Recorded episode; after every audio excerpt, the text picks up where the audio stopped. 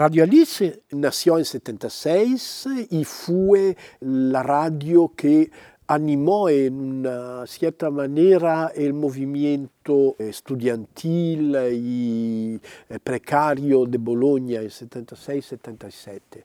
Fue cerrada por la policía el 12 de marzo eh, de 77 porque en la ciudad había una verdadera explosión de rabia contra la represión que había matado un en las horas sucesivas, en los días sucesivos, la, la ciudad fue ocupada por estudiantes, obreros, personas de toda la, la, proveniencia. Y Radio Alice fue considerada como el cerebro y como el micrófono de, de la insurrección. Lo era. Lo era, porque nosotros eh, considerábamos eh, nuestro papel un papel de información, pero también de coordinación eh, espiritual, intelectual, creativa de lo que iba produciéndose. es una experiencia de liberación de las antes de Radio Alice, antes de, de las radios libres en Italia,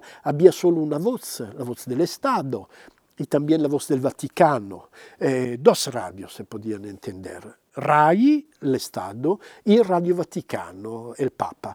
E Radio Alice era il comienzo di una possibilità di libertà delle ondas. Però, eh, disfortunatamente, in questo spazio di libertà, nell'anno 78-79, hai un tipo, un imprenditore privato, che instrumentalizza, utilizza la apertura producida por la Stadio Libres y crea un verdadero impero publicitario y televisual. Este señor se llama Silvio Berlusconi y su empresa se llama Mediaset. Es una empresa mediática, pero también financiera, pero también publicitaria, pero también mafiosa, porque el dinero de su empresa viene casi oficialmente desde la mafia siciliana.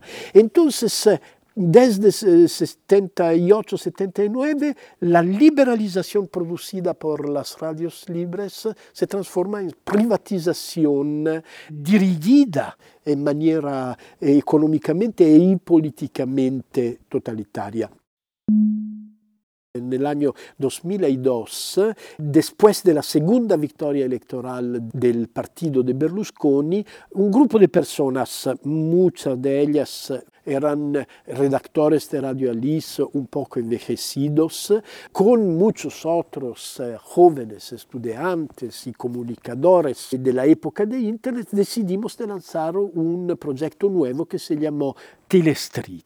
Telestreet era una experimentación de mediaactivismo o de videoactivismo de, fundado sobre la idea que la comunicación televisual puede devenir libre si deviene comunicación de carretera, comunicación de barrio, comunicación de un lugar pequeño en el cual la gente informa a sí misma sobre lo que se pasa día en cada día.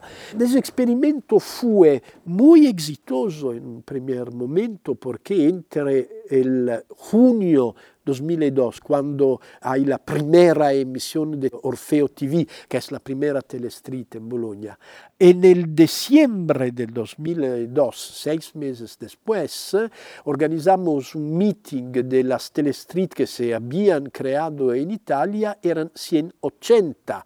Es decir, que el, el fenómeno había proliferado en todas las uh, ciudades, sobre todo las ciudades pequeñas, donde había un sentimiento de proximidad de la comunicación. Pero el fenómeno no duró en el tiempo.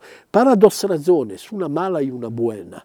La razón mala es que hacer una televisión es costa costa muchísimo si bien si se trata de una televisión pequeña, porque no importa si tú puedes emitir en un territorio nacional o solo en un barrio. Hacer una hora de televisión significa hacer una hora de televisión. Esa es la razón mala para la cual después de dos años, el experimento duró dos años eh, actualmente. En 2004 las telestreets comenzaron a desagregarse, pero hay también una razón buena que explica el fin de de, las Street. Y esta razón buena se llama YouTube. En 2002 no había YouTube y un videoactivista de Bologna podía comunicar su video solo attraverso una telestreet che comunicava su barrio.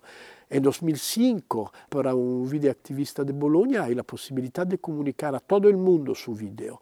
Hai una percepción diferente del video de proximidad y del video global que YouTube eh, permite de transmitir, pero las técnicas, las estrategias del movimiento tienen que adaptarse a las, a las transformaciones tecnológicas y mediáticas de la red. Hoy es la red que constituye nuestro ambiente de comunicación. Entonces yo creo que la experiencia de Telestreet, si bien que ha sido mucho menos eh, épica de la experiencia de radios libres que siguen existiendo en Italia 35 años después y que siguen siendo una herramienta fundamental de la libertad de comunicación contra el dictador mediático Berlusconi, si bien que la Telestreet no ha sido tan uh, heroica, ha sido una experiencia interesante y formativa para centenas de videoactivistas que después hoy